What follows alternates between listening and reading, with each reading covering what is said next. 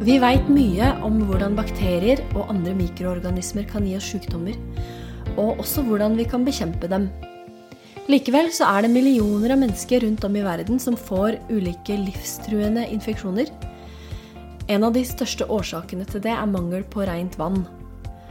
Så selv om vi har et effektivt immunforsvar, så hender det likevel at det ikke er sterkt nok. Da må vi bruke andre metoder for å gjøre kroppen frisk igjen. Velkommen til Naturfaghjørnet.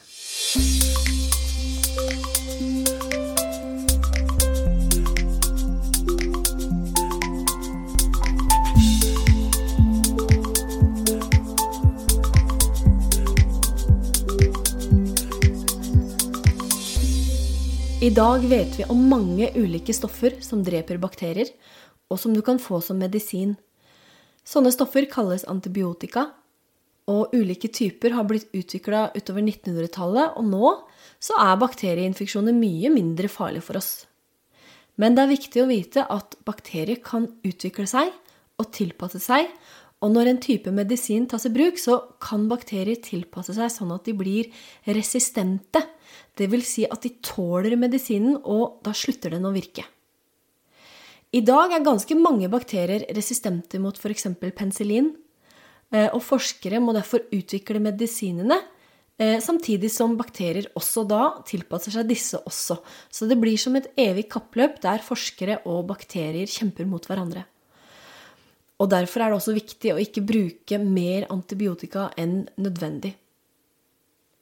Det er jammen godt vi har medisiner som kan hjelpe oss når vi er blitt syke, men det fins en annen måte å kjempe mot bakterier, og denne måten kan også fungere på virus.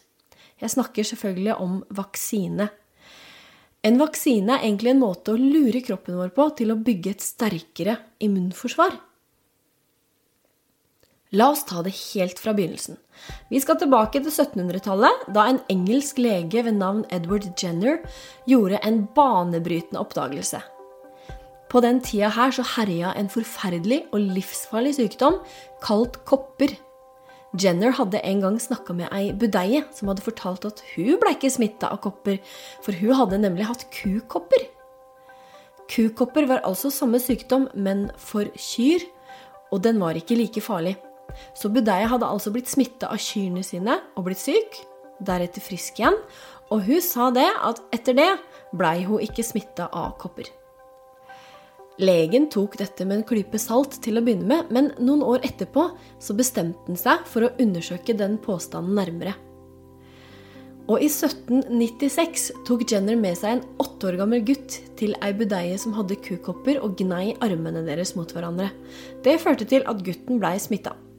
Han ble syk, men det gikk ikke lang tid før han ble frisk igjen.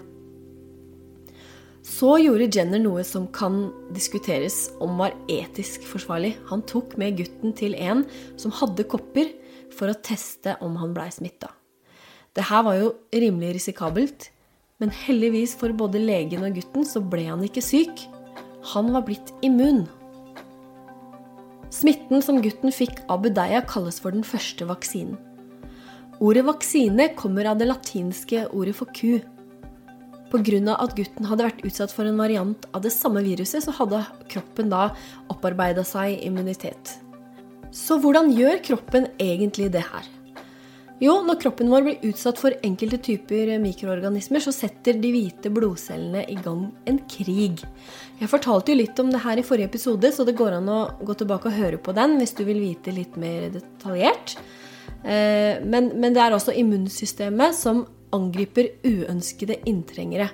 Og det er celler som lager antistoffer som fester seg til viruset eller bakterien. Og for hver inntrenger som kroppen vår blir utsatt for, så lages det et helt eget antistoff.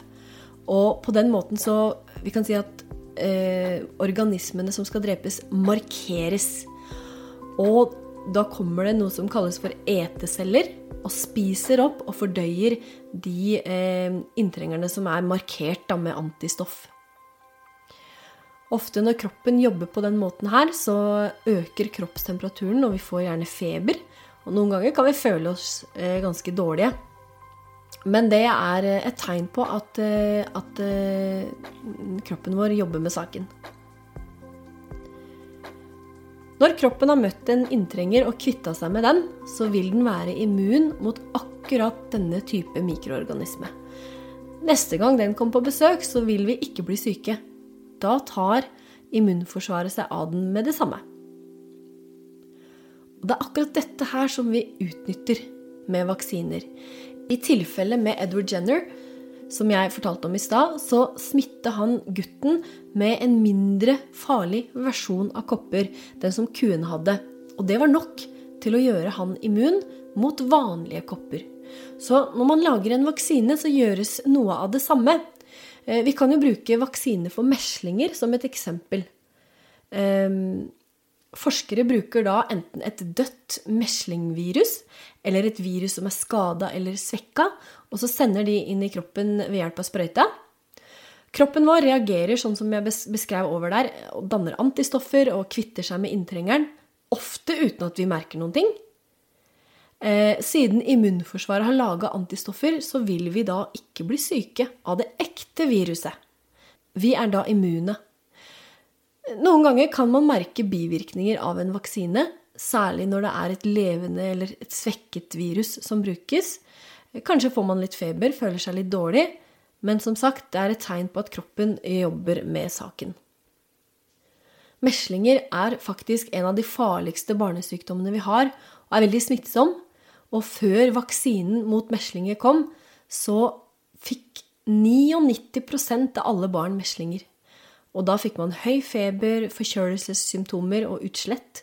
Og man kan også få lungebetennelse og andre betennelser. Og i de verste tilfellene så fikk man hjernebetennelse eller hjerneskade, og til og med død. Eh, men i dag så er det svært få som dør av meslinger i Norge, og som i det hele tatt blir syke takket være at den vaksinen her blir tilbudt til alle spedbarn. I Norge har vi noe som kalles vaksinasjonsprogrammet. Eh, der barn helt fra de er født til de er voksne, går gjennom ulike vaksiner. Og det er sjølsagt frivillig, men de fleste tar imot det tilbudet. På den måten så holdes mange sykdommer i sjakk. Ehm, det er likevel ganske vanskelig å helt utrydde en sykdom. Da er man avhengig av at absolutt alle f.eks. tar en vaksine, og det over hele verden. Men eh, det skal sies at vi har klart å få kontroll over ganske mange sykdommer som tidligere forårsaka mye sykdom og død.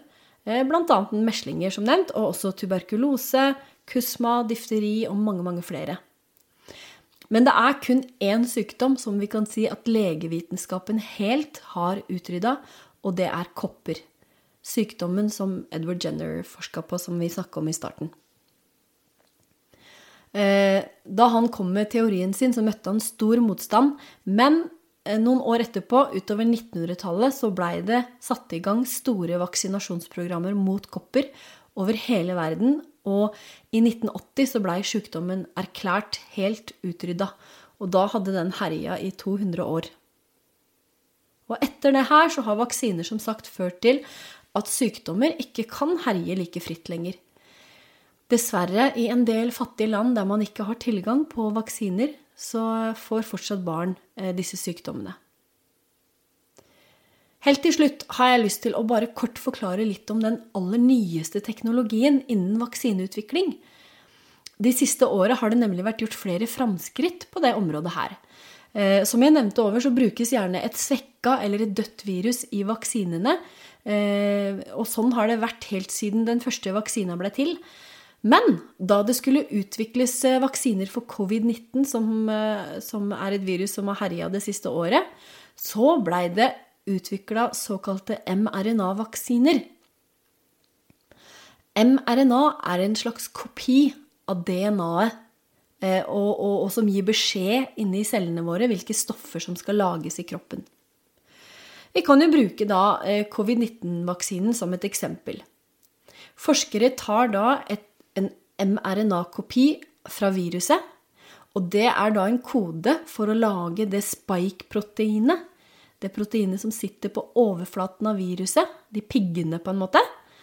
Og når den her mRNA-kopien sprøytes inn i kroppen min, f.eks., eh, så gir den beskjed til de cellene om å lage spike-proteinet.